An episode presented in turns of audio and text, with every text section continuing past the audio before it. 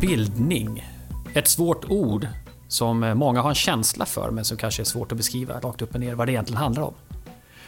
Idag pratar vi om bildningen i framtiden och det nya kulturkriget. För vad ska bildningen egentligen handla om? Vad är det vi ska kunna, veta och förstå för att bli goda, utvecklade medborgare i framtidens samhälle? Det finns olika åsikter om det här och vi har skrivit om det i en ny rapport på Kairos Future Club. Idag pratar vi om det nya kulturkriget, makten om bildningen och de gemensamma referensramarna. Välkomna till Framtidsstudion.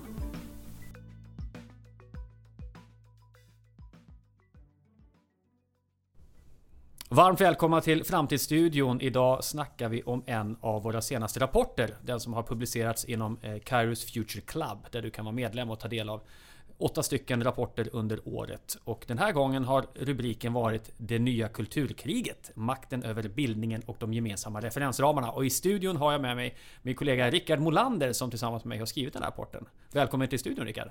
Tack så mycket, kul att vara här igen. Ja, roligt. Ja, vi har alltså skrivit den här rapporten som handlar om det nya kulturkriget. Vad är det för krig vi snackar om?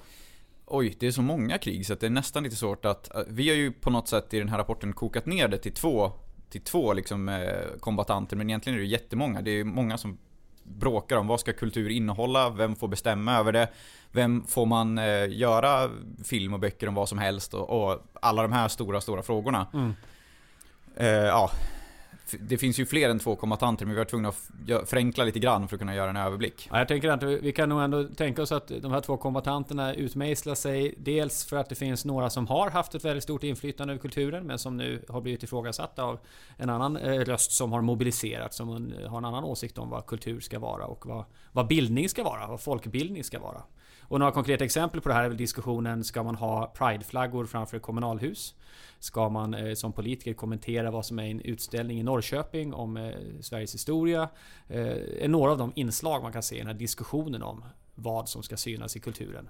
Så. Ja, precis. Och det har ju att göra med att vi har haft en, går man riktigt långt tillbaka så har vi i Sverige haft nästan, som folk kallar det, en monokultur. Att vi har varit väldigt överens om vad som är kultur och vad som är trevligt att ha på TV och alla kollar på Hasse och Tage och det spelar ingen roll om man är höger eller vänster och sådär. Det har ju luckrats upp nu, ja, så jag tror att den här effekten har blivit kanske större i Sverige än i många andra länder över tid i alla fall. För att mm. vi har haft en sån, men det var bara 30 år sedan vi hade bara statlig TV och nu har vi hur mycket åsikter som helst från alla håll och kanter. Mm, mm.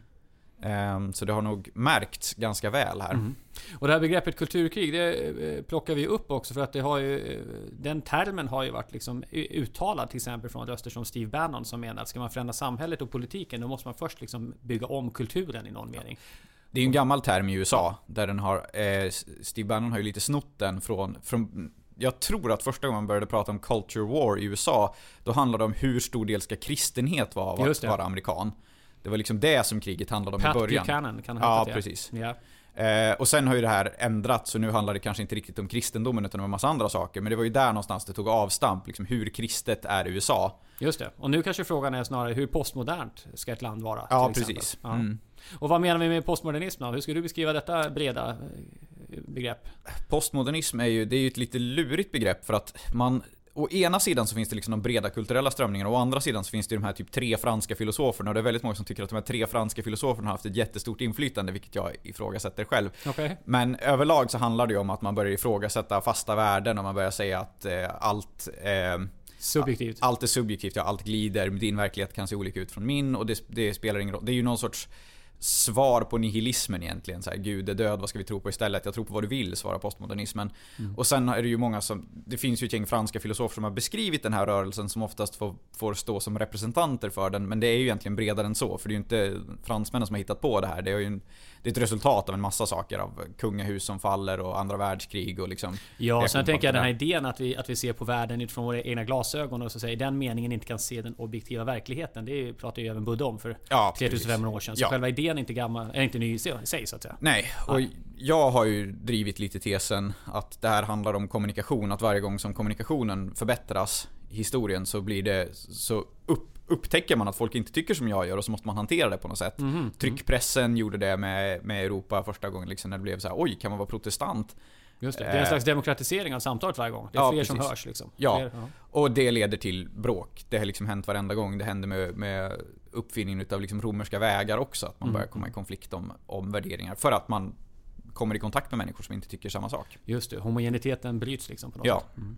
När vi, när vi gör de här rapporterna så, så eh, i Kairos Future Club så har vi också seminarier där vi presenterar dem för, för klubbens medlemmar. Då. då har vi haft två seminarier. Och det var ett samtal på ett av de seminarierna som jag höll i som själv blev liksom eh, tydligare. En, en tanke dök upp hos mig som jag tyckte var intressant. För med Postmodernismen med sin värderelativism, eh, fokuset på individen, respekten för den subjektiva upplevelsen som för övrigt idag kommenteras i SvD av någon lärare som har blivit avsatt på någon högs högskola som diskuterar liksom debattklimatet och utrymmet att tänka nytt och, annorlunda eh, och ibland stötande inom den akademiska sfären. Men hela den liksom fokuset på individens eh, f- tolkningsföreträde av världen. Ja. Och där hör ju också identitetspolitiken ihop med det på något sätt. Inspireras av det också.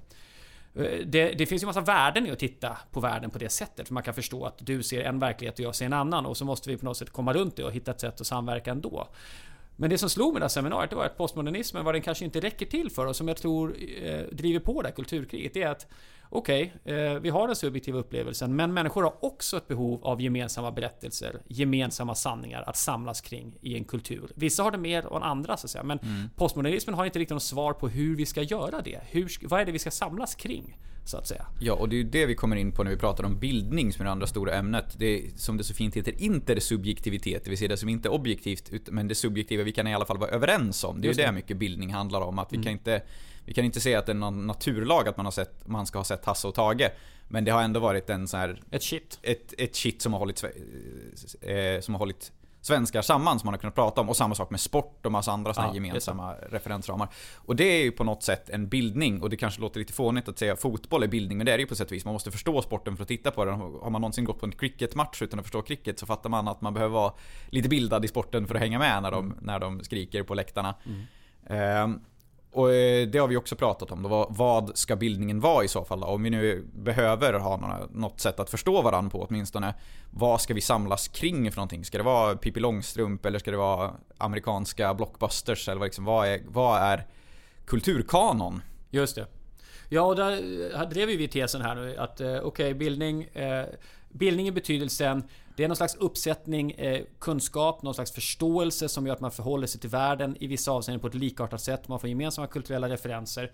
Eh, men, men det är också en utrustande av individen när det gäller förståelse av hur världen funkar, en känsla av sammanhang och så vidare.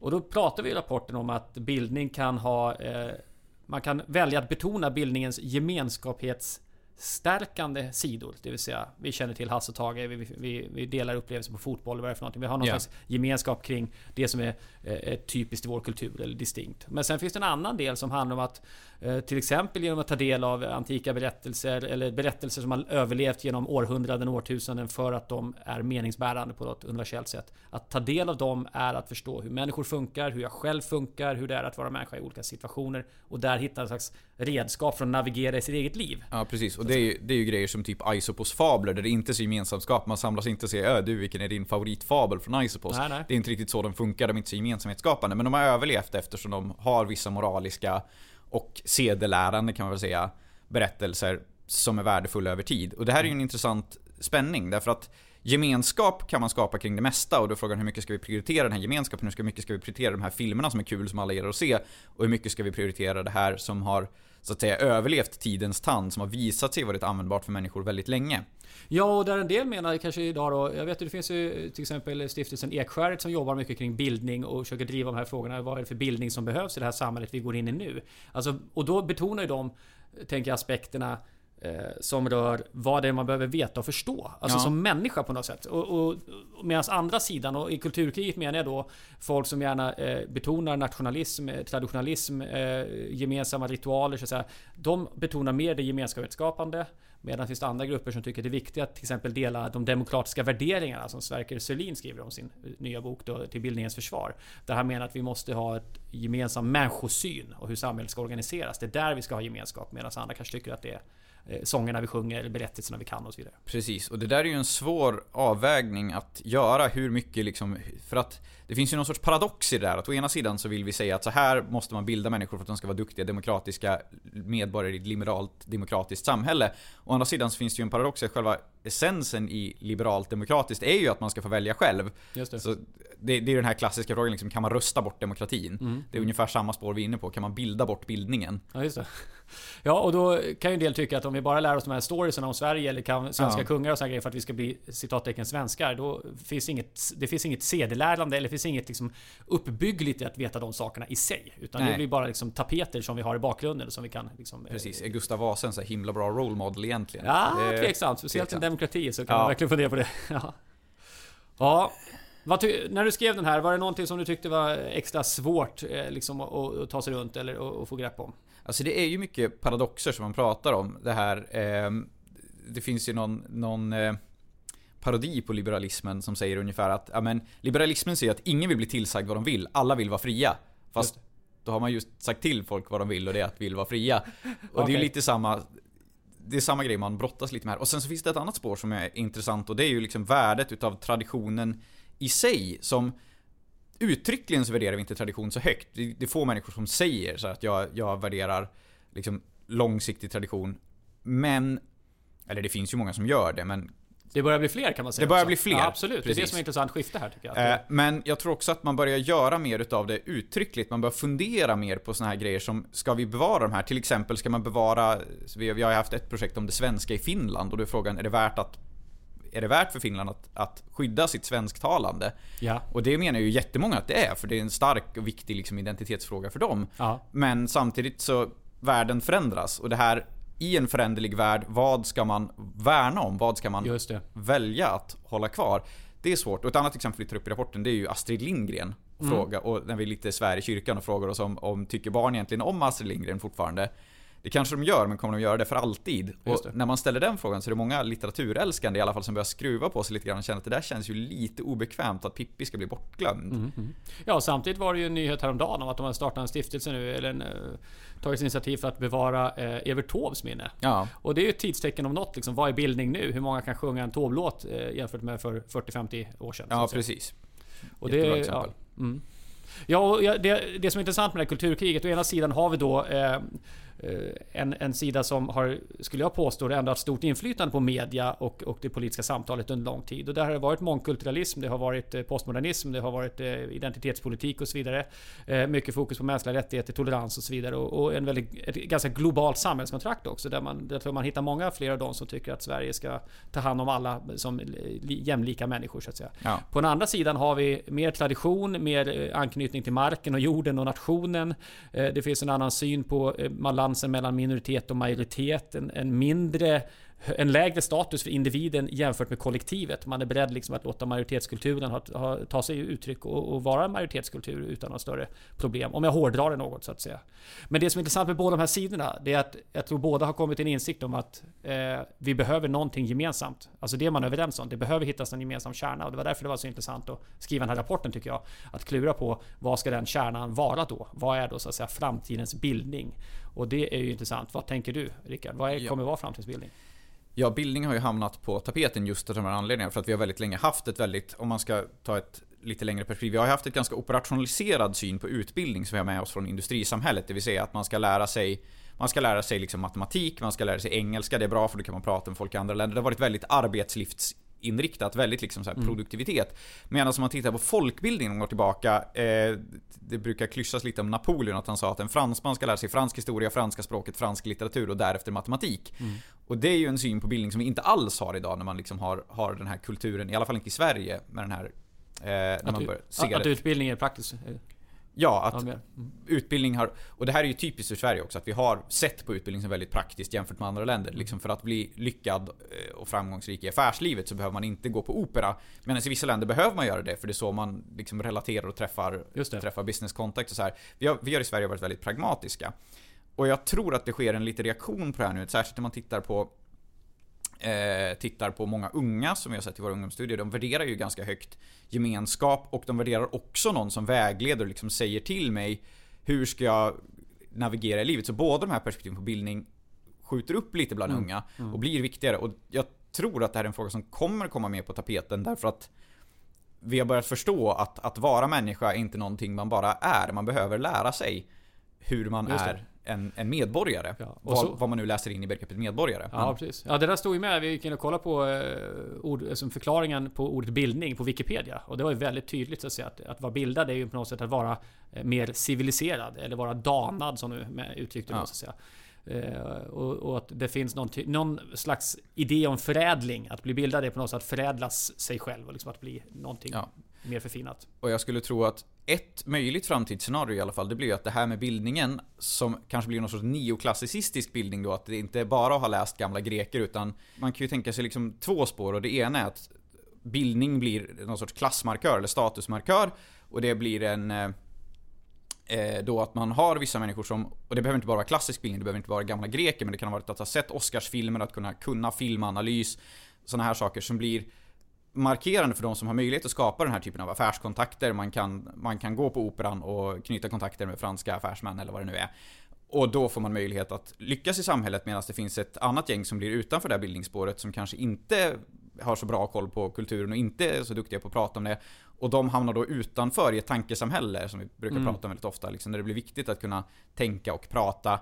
Då finns det ju en risk att det skapar ett utanförskap. Mm. Och å andra sidan ska man tänka sig ett folkbildningsperspektiv när vi tar tag i att det är inte bra att människor lever i olika verkligheter. Det är inte bra att den som är välbärgad kan gå på Oscarsvinnande filmer och den som eh, inte är så välbärgad. Och så är det ju på sätt vis redan nu egentligen. Ja. Alltså, det är inget snack om det. Att det finns en en eh, koppling, eller har funnits en koppling mellan eh, klass och, och bildning på något sätt och vilka ideal man har kring det. Absolut, och ska man gå in på det här spåret med att bildning är viktigt för demokratin så handlar det ju till viss del om att demokrati förlitar sig på att alla känner att vi ändå lever i samma samhälle på något sätt. Att, att vi har någon form av, både någon form av gemenskap och också någon form av vägledning. Att säga att de här institutionerna kan man lita på. Ja, och börjar bildningen glida isär så att man har ett gäng som tycker att man kan lita på Oscarskommittén. Mm och ett annat gäng som tycker att man kan lita på YouTube, eh, liksom YouTube-killen med keps som rekommenderar de coolaste actionfilmerna.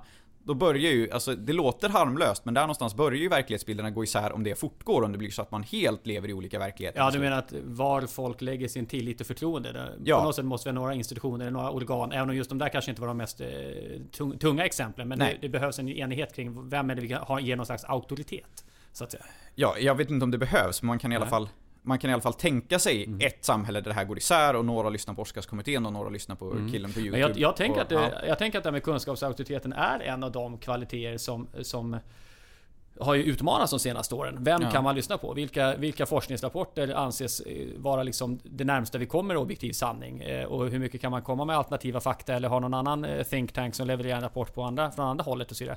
Alltså det där gör ju någonting med att vi har inte ens en gemensam spelplan för det politiska samtalet. Det finns inte några naturlagar att luta sig mot, eller vad man ska säga. För att vi, vi har inte samsyn på någonting i värsta fall. Och det är ju problematiskt.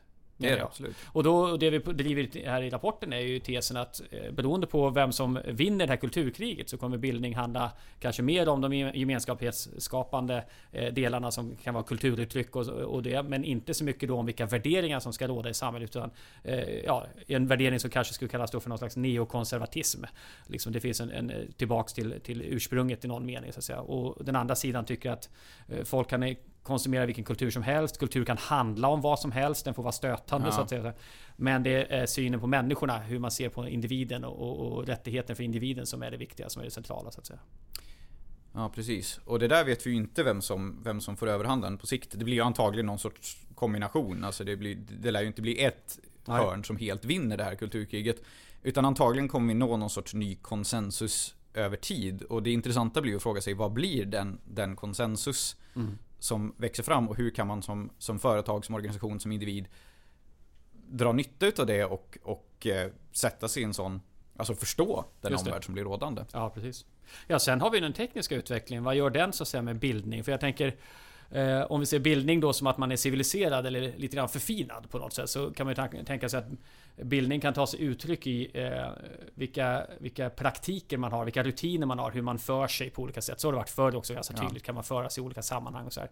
Och där tänker jag att eh, tekniken ställer ju krav på att eh, föra sig i sociala forum, alltså sociala, sociala medier till exempel. Eller hur vi förhåller oss till integritetsfrågor, vilken typ av data delar jag med mig. Det där skulle ju kunna bli aspekter som det finns nivåer eller beteenden som ges högre status och man tycker att det där är ett bildat sätt att bete sig i förhållande till de här frågorna och utmaningarna. Ja. Eh, andra sätt är mer vårdslöst, man är mer vulgär så att säga. Man, man kanske outar sig på ett socialt media på ett annat sätt. Och det där börjar vi se nu. Det, det är jätteintressant om man tittar på unga igen. Jag kommer tillbaka till ungdomsstudierna för jag sysslar så mycket med det. Men ja.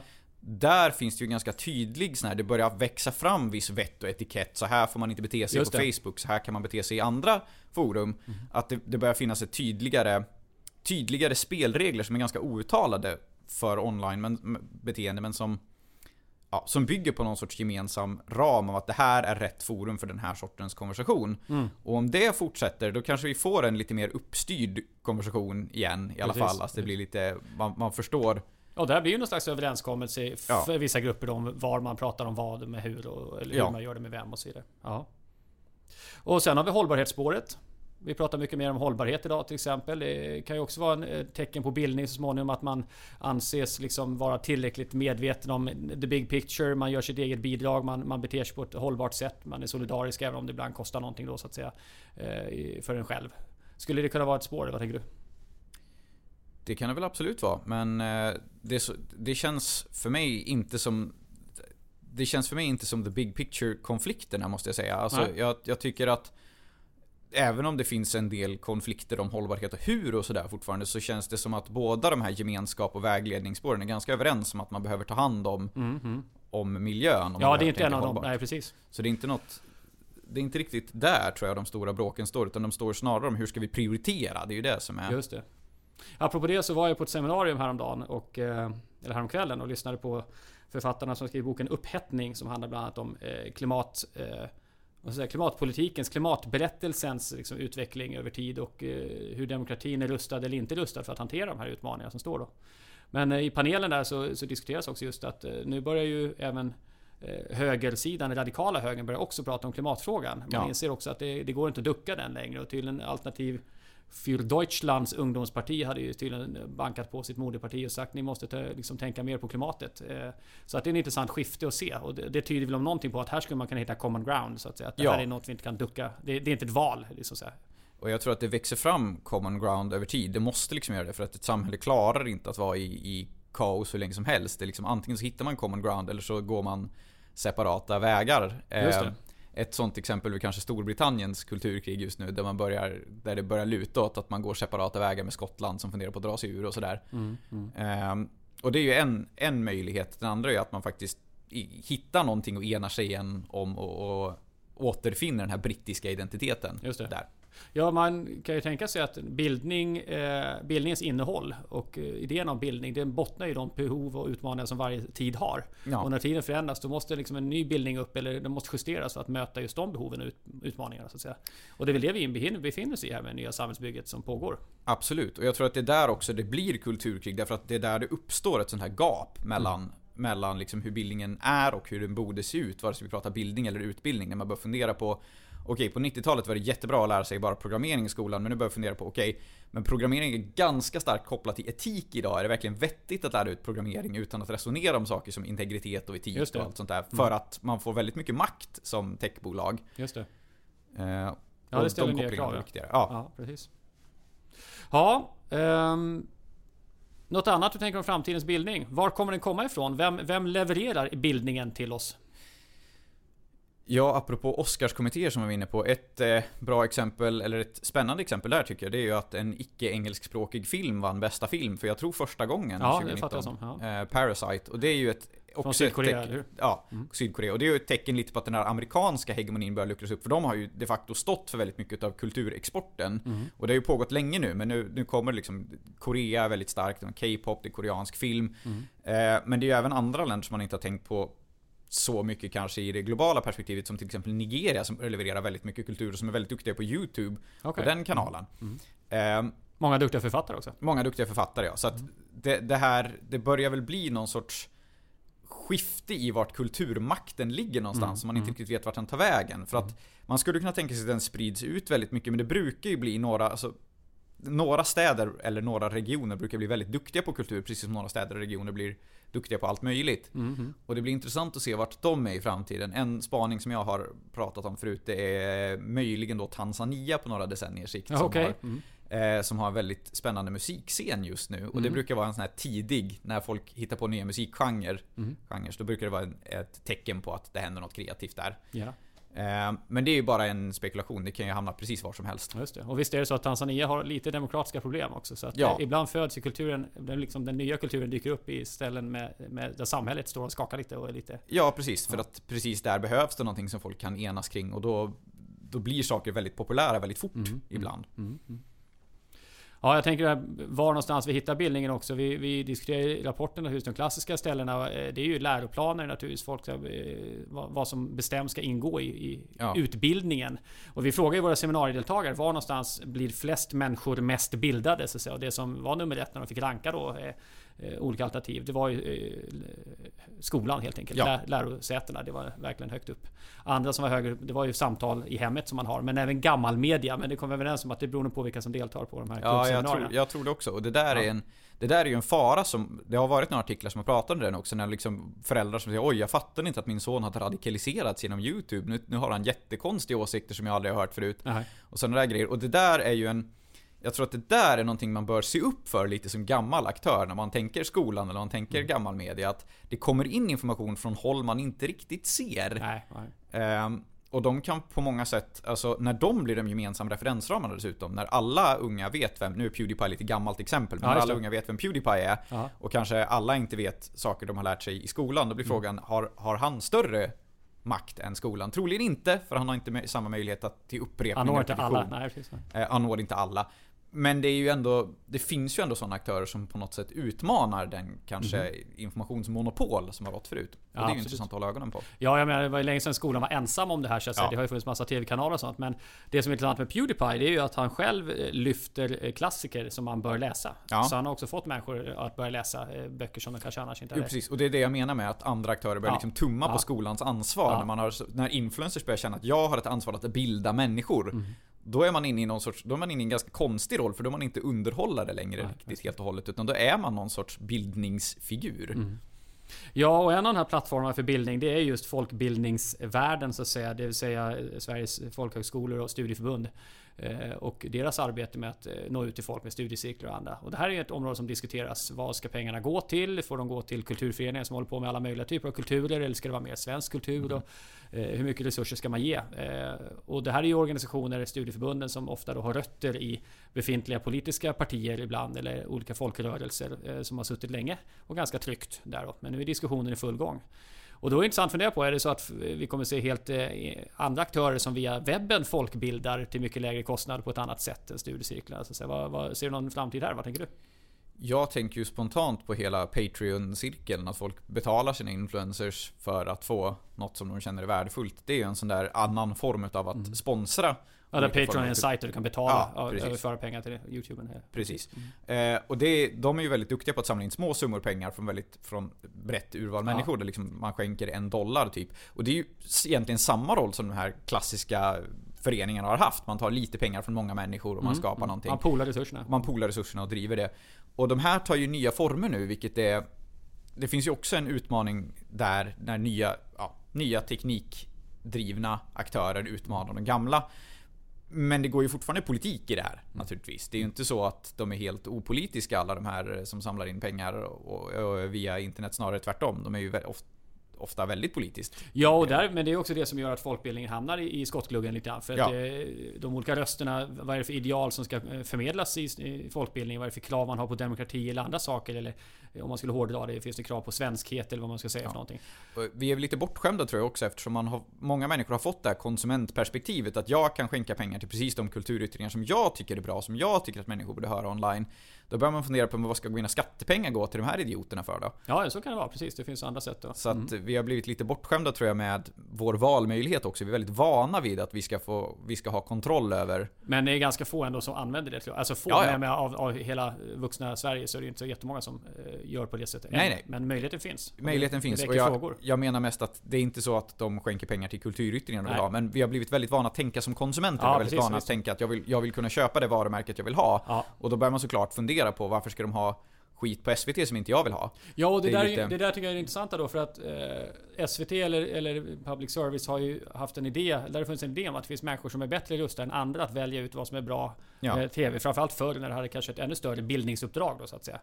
Eh, och det är det som är intressant med kulturkriget. För att om vi nu har haft en idé att marknaden ska bestämma och individ, individen vet bäst själv vad den behöver och ska ha så, så kanske det här kulturkriget också vittnar om idén om att nej men vi vill ha, det finns ändå röster som vill ha centralstyrning igen. För att om vi lämnar det helt fritt, vad blir det då? Och vad Ja. kommer folk tycka och tänka då? Eh, Så i någon mening kan jag säga att det är en tendens liksom bakåt med, med där kunskapsauktoritet efterfrågas igen. Och frågan är bara vem som ska ha den då så att säga. Ja, precis. Och det är ett, jag tänker på ett intressant citat som jag tror kom med i rapporten om att tradition är de dödas demokrati. Att det är ett sätt att även ge lite respekt åt de som har kommit innan oss som kanske har valt, de har valt ut de här grejerna att föra vidare till oss. Mm. Och då kanske man bör respektera deras val genom att åtminstone titta på dem. Eh, Det är ju en, ett sånt tankesätt där liksom kulturauktoriteten är de som kom före oss. Just det. är ju traditionstänket. Ja. Det behöver inte vara dem, men det är Nej en- men det, det där är, väl- det är ju grunden för det konservativa tänkandet så att Ja. säga. Att det, det vi har nu är ju resultatet av en årtusenden av evolution. Och det kan vi inte bara slänga ut snabbt med radikal revolution. Utan det, det, fin- det här är det bästa vi har skapat hittills och därför ska man vara Ja. varsam med det så att säga. Och också lite det här att man respekterar deras val. Att Ja. Mm. traditionen om dödas demokrati, man låter de döda ha en röst. Det är ju också ett... ehm, och det där hänger ju ihop med framtiden. Va? För vad vill vi lämna vidare till kommande generationer? Ja. Om inte vi bryr oss om de som kom innan oss, vad, vad är det då som säger att de som kommer efter oss ska bry oss om oss? Ja det kan man tänka, visst. visst. Ehm, så att det finns ju ett sånt framtids... Alltså det, mycket av bildningen handlar om att skapa någon sorts kontinuitet. Vare sig det handlar om gemenskap eller vägledning så handlar det om att skapa en, en framtidsbild som man kan tro på och som man kan tänka att mina barn kommer leva i en värld som jag tycker är bra. Och därför ger de här verktygen och, Och därför ger de här verktygen, Ja, ja precis. ja, så kan man tänka. Absolut. Ehm, och på det sättet så blir ju så är ju bildning alltid relevant för att på det sättet så handlar det om att skapa framtidens samhälle. Ja, och du Mm. var inne där på förut på medborgare till exempel. Jag, jag åker runt och snackar en hel del om framtidens samhällskontrakt med kommunledningar och så. Mm. Och där blir just eh, en av de saker vi tar upp, det är ju vi får ju de medborgarna som vi, som vi liksom odlar fram. Om vi tilltalar folk som Ja. kunder hela tiden, då har man det perspektivet. Eh, Har vi den gamla idealet från folkbildningens och folkrörelsens liksom guldålder. Ja, då var det idén att ja, det är bra att vara en delaktig medborgare. Det är något fint att vara en person som är engagerad i politiska processer och det som sker och så vidare. Och där är ju, spelar ju bildning en roll, för på något sätt skickar det med värderingarna, men också förmågan att vara Ja. del av det naturligtvis då. Så ska man prata om framtidens bildning så tror jag att det är det som är svaret. Framtidens bildning blir ju i slutändan vad vi gör den till. Ja, och vad som vi tror behövs. Vad vi tror behövs, precis. Och det, det är knepigt att förutspå. Men eh, vi kan bara, precis som de som kom innan oss bara kunde agera på sin egen samtid, så kan vi bara agera på vår egen samtid också. Och det är därför det blir krig såklart, för det är viktiga frågor. Ja, så är det. Du Rickard, tack för ett jätteintressant samtal. Tack själv. Vi rundar av och det här var alltså en eh, referat kan man säga lite grann från våran senaste rapport i Kairos Future Club. Och är du också intresserad av att ta del av eh, löpande omvärldsspaningar i alla möjliga riktningar under året så gå in på vår hemsida och kolla upp Kairos Future Club. Kanske dags att teckna ett abonnemang så ses vi på ett seminarium framöver. Ha det gott och på återhörande.